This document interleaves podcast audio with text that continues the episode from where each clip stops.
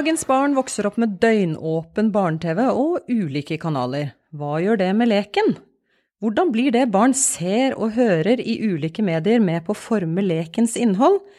Velkommen til lærerrommet, navnet mitt er Vigdis Alver. Og navnet mitt er Marianne Olsen Brøndtveit. Barn er mediekonsumenter, noe som annet dokumenteres i foreldre- og medieundersøkelsen fra Medietilsynet. Eksempelvis har 95% av alle barn tilgang til TV, og 88% til nettbrett. Og i denne episoden så skal vi altså snakke om hvordan TV-bildene og seriefigurene sprer seg til lekekassa eller skolegården. Det er ikke nytt at barn leker det de ser og hører, men hvordan påvirkes dagens barn av dette? Og med oss inn i denne episoden har vi med oss deg, forfatter, dramatiker og professor ved Norsk barnebokinstitutt, Hilde Hagerup. Du står annet bak TV-suksessen Snefall. Velkommen. Tusen takk. Og velkommen til deg, Birgitte Fjørtoft. Du er vår andre gjest. Du er barnehagelærer og pedagogisk leder i Ankerskogen barnehage på Hamar. Og du er også redaktør av tidsskriftet Barnehagefolk. Hei, hei. Og aller først til deg, Birgitte, som er daglig sammen med barn. Mm. Leken er jo det viktigste som skjer i en barnehage og blant barn. Hvordan tenker du at en mediesuksess som f.eks. Snøfall, der foreldreløse Selma drar til en eventyrverden som heter Snøfall, eller andre TV-serier, hvordan syns du at det påvirker leken og hverdagen i din barnehage? Ja, akkurat når det gjelder Snøfall, så var den fort veldig populær, og det ser vi jo med alle altså barne-TV-serier eller barneprogrammer laga for barn, eller filmer og serier som er laga for barn som er av god kvalitet. Eh, og da tenker jeg god kvalitet i form av at eh, de klarer å fange, fange barna, og at barna blir oppslukt. Eh, så ser vi jo det, sporet av det i leken til barna hver eneste dag. Det tror jeg er litt viktig at som lærere har vi et profesjonelt ansvar for å sette oss inn i og kjenne kjenne til det barn er interessert i og opptatt av, og det gjelder også barns medieverden. Så det er viktig at jeg vet noe om hva det er de ser på, sånn at jeg kan gjenkjenne de sporene i leken deres i barnehagen. Eh, og det er for eksempel Grizzly og Lemen. Ja, Som er i Snøfall? Nei, det er Nei? en egen, uh, egen sånn barne-TV et barne-TV-program. det er kanskje noen som har sett på det, men der er det i hvert fall en svær grizzlybjørn, og så har han masse sånne små lemener som er virkelig De går helt sånn bananas, de er helt sånn ville i kroppen og har veldig sånn spin, et veldig sånn spinnvilt uttrykk. Og det er et poeng for meg som lærer at når jeg ser ser de holde på i garderoben, for eksempel, da, med de lemenkroppene, at jeg vet at, de, at det er Grizzly og lemen de leker, og at det ikke er bare utagering eller ikke sant? Må, men da må jeg kjenne til noe av bakgrunnsstoryen for å kunne koble meg på, så kan jeg møte det som det det er, som en grizzly- og lemmelek, og ikke som en måte å være umulig på i garderoben, liksom. Ja, en av grunnene, grunnene, til dette er at du generelt sett også syns at det barn ser på TV gir viktige bidrag til rolleleken? Ja, absolutt. På hvilken måte da? Man gjenkjenner Altså, den, i den rolleleken som barna gjør i barnehagen, så er det jo ofte litt sånn satt rollebesetning. Ikke sant? Det er jo ofte de aller beste lekerne, de som er eh, dyktigst på både lekeinvitasjoner, å forstå lekesignaler, gi lekeresponser, de har jo ofte de mest sentrale posisjonene. Selma ble jo ofte spilt av de beste lekerne, også for andre biroller. Eh, så det er jo én måte å måte, se det på. Og så er det min rolle da som lærer i møte med det, å kunne foreslå noen rollebytter, for da. Ikke sant. Eh, og da lurer jeg også på, er det din erfaring som barnehagelærer at det blir en mindre frilek når rollene er fastlagt på forhånd? Altså når man vet hvem som skal være med av rollefigurene? Eller blir det flere regler i leken fra barnas side? Eller former barna leken i den retningen de vil uansett? De former den leken sånn som de vil, i den, de retningene de vil uansett. Det gjør de absolutt. Så det er ikke inntrykket ditt at det er med regler, eller? Nei. Det er på en måte et utgangspunkt, på samme måte som hvis jeg legger fram eller bygger et slott midt på avdelingsgulvet på tidligvakta, så gir et utgangspunkt, en, en start eller en impuls, en lekeimpuls. Rollebesetninga eller historien er på en måte utgangspunktet der kan alt skje. og det gjør det jo ofte òg. Hilde Hagerup, du skriver for barn. Mm. Men har du sett eller hørt eksempler på lek der dine karakterer har vært med? Ja, altså da vi lagde 'Snøfall', og den kom på lufta i 2016, så hadde jeg en sånn opplevelse av at når du sitter og jobber med en historie, så tenker jeg veldig lite på barnepublikummet, må jeg si, i arbeidet med historien. Jeg forsøker å skrive liksom som min indre tiåring, og ikke, ikke som en voksen som på en måte forsøker å se for seg hva en tiåring vil ha, men rett og slett det som gir meg glede. Sånn at da Vi, vi var liksom ikke eh, så veldig bevisst på eh, at vi Eller vi reflekterte ikke mye rundt det i prosessen, da. Eh, faren min og søsteren min og, og, og meg og, og, Synne Tekstund på NRK Super og de andre som jobba dette fram. Men, vi, men, i etterkant, i 2016, da den var på lufta for første gang, så fikk jeg altså en opplevelse av at jeg fikk høre via barna mine at de hadde gått forbi en barnehage der noen lekte. De hørte at de ropte sånn 'Nå skal du være Julius', for eksempel. Ikke sant? Og det var, altså det, å se at de karakterene hadde fått et annet liv, det er kjempe kjempegøy. Altså, det var fantastisk morsomt. Ja, hvordan opplever du det? Ja, nei, det er uh, veldig, veldig altså det, er, altså det er, bare kjempemorsomt. Men så er det også litt det som du var inne på, Birgitte, som jeg syns er så viktig. Det er med at man setter noen premisser. Altså man, man, gir et utgangspunkt som nesten er et slags springbrett for leken. Og jeg mm. pleier å si når jeg snakker om barnebøkene mine, og jeg snakker om det til barn, og det gjør jeg mye, så pleier jeg å si at jeg har gjort, når jeg har skrevet boka, og den er ferdig, så har jeg gjort halve jobben. Mm. Men den andre halvdelen av jobben, den gjør jo dere i deres fantasi. Mm.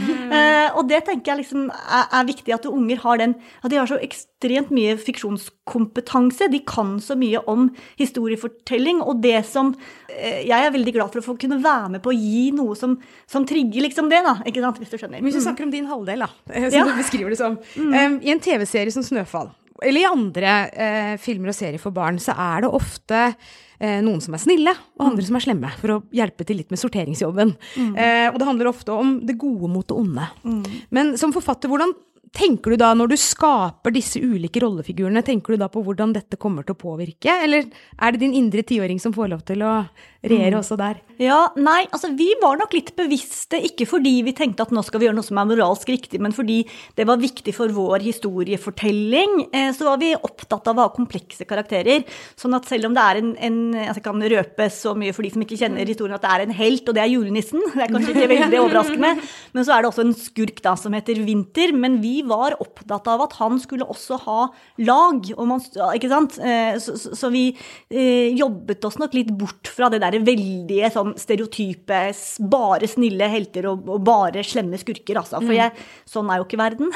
Men hva med barn da som ofte får den minst populære rollefiguren? Ja, ikke, I en lek? Ja, det, det, var, det, var, jeg som lærer som fikk de i vår, i vår snøfall-lek. Det var du som måtte være Jeg måtte være vinter, for å si det sånn.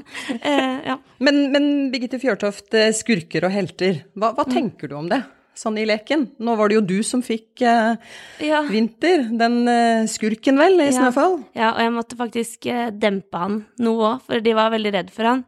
Eh, og så var det, eh, det var en jente som sa til meg eh, For alle var veldig redd for han, men så var det faktisk en gang en jente kom bort til meg og sa Kanskje vinter bare er veldig trist. Ja, ikke sant? Hun forsto den kompleksiteten, da.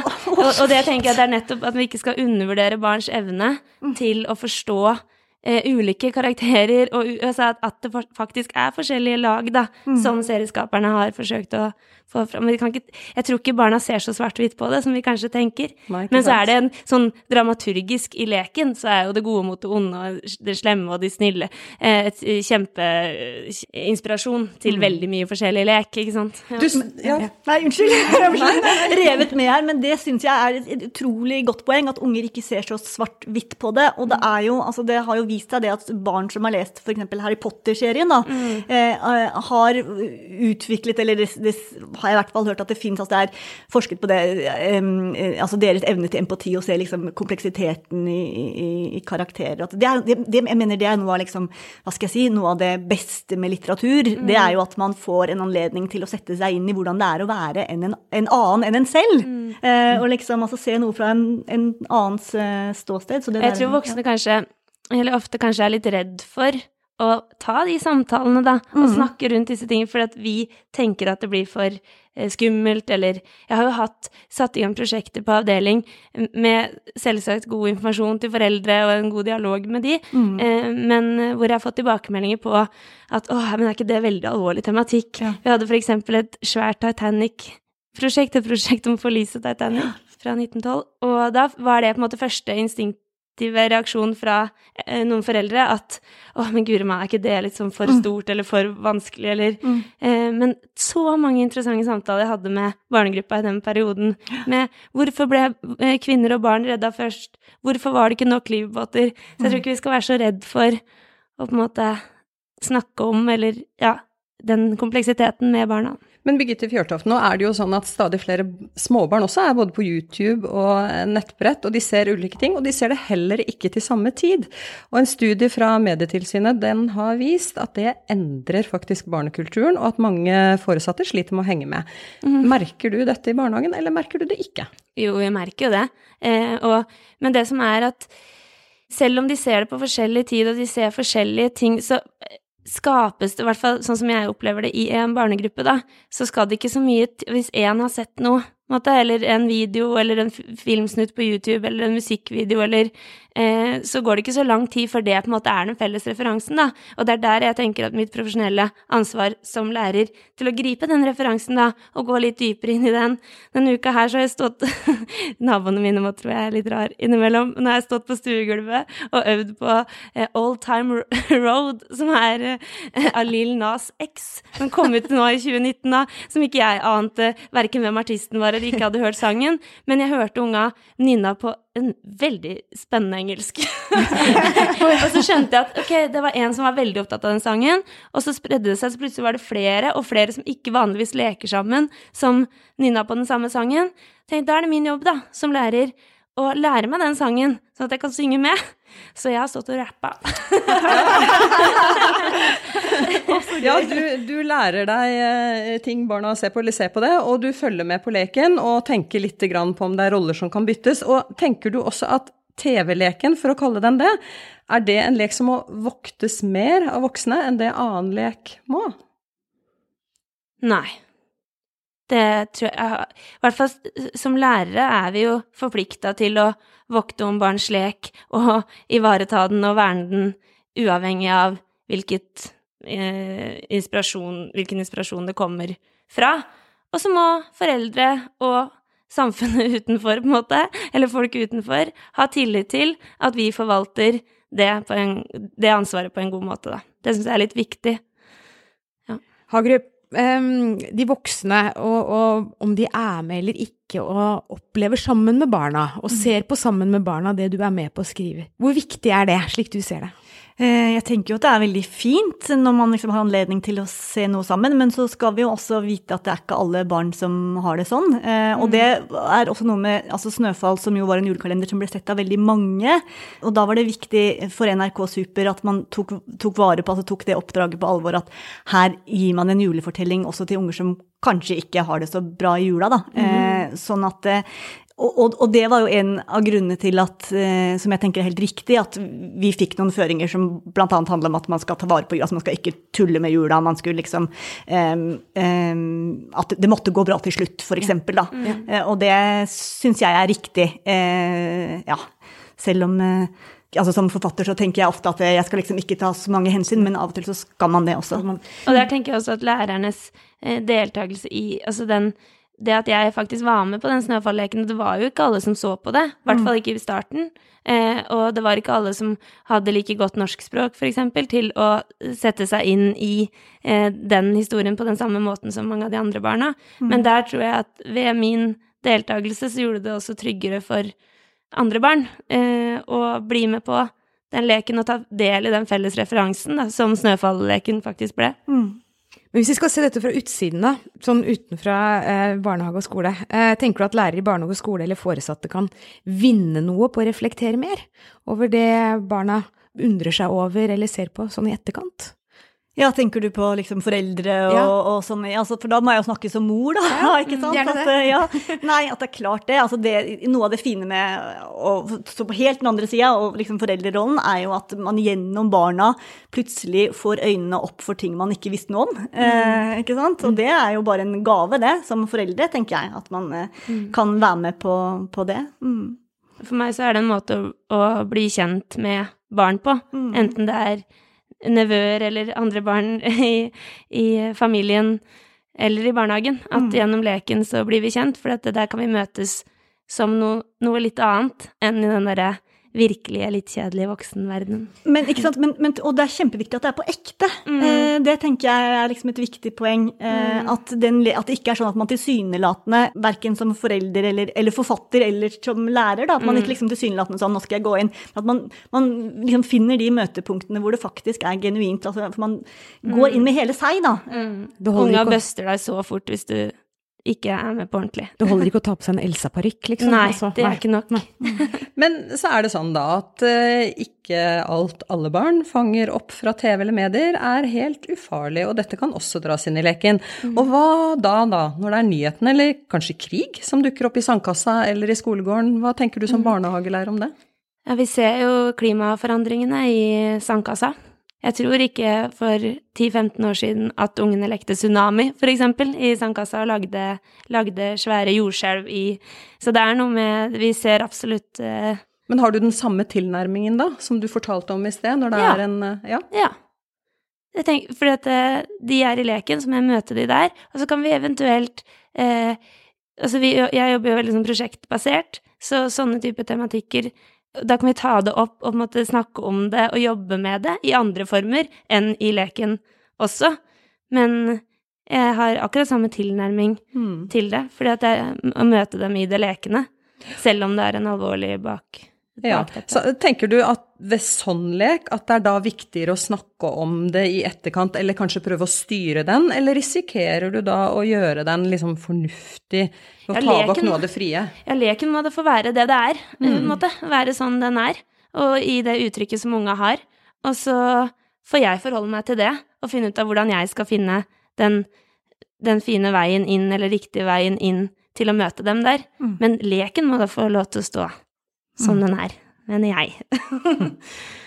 Hagerup, det, det økende mediekonsumet som barn har. Mm. Eh, og man ser jo ikke alt samtidig lenger heller, og heller ikke på en måte på ett samlingspunkt digitalt eller mediemessig. Altså du har ett fokus og én kanal som alle ser på. Påvirker det eh, noe av det du vet hva barn har lyst til å oppleve gjennom litteraturen, eller hva de har lyst til å se på eller høre om? Ja, eh, jeg tror i hvert fall at eh, Altså, det er jo Tilbudet er mye breiere, på, på godt og vondt, sikkert. Det som jeg ser, er at barna har veldig høy fiksjonskompetanse. De tar veldig lett sant? De skjønner dramaturgi, eksempel, på et helt annet nivå enn hvert fall jeg gjorde da jeg var eh, barn sjøl. Eh, sånn at jeg tenker jo at det, er noe positivt ved det også. At, eh, det finnes flere historier for, flere barn. Mm.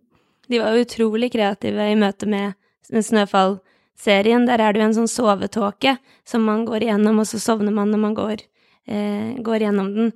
Og de første ukene av desember så var det jo det at barna sovna Det så, så virkelig helt vilt ut på utleggeplassen fordi barna lå sånn strødd, så, sovende, sovende rundt omkring. Så hvis man ikke vet hva, man hold, hva vi hold, holdt på med, da, så ser det veldig rart ut. Eh, Men ungene forandra jo funksjonen til den sovetåka, hva som skjedde i det man gikk igjennom. Eksempel at man fikk latterkrampe isteden, eh, eller at kroppen gikk bananas, som de sa. Det, og det endra de De er veldig kreative regissører. Vi eh, setter strek der, vi, midt i sovetåka og latterkrampen, og håper at denne samtalen kan inspirere til mer snakking om lek, og også kanskje til å leke mer. Vi takker gjestene våre, Hilde Hagerup og Birgitte Fjørtoft, for en spennende samtale, og Marianne og jeg, vi takker for oss. Vi takker for oss, Vigdis, og så sier vi ikke minst tusen takk til deg som hører på Lærerrommet. Husk at du finner alle episodene våre i din podkastkanal, og mens du venter på neste episode, så sier vi ha det bra. Ha det! Ha det.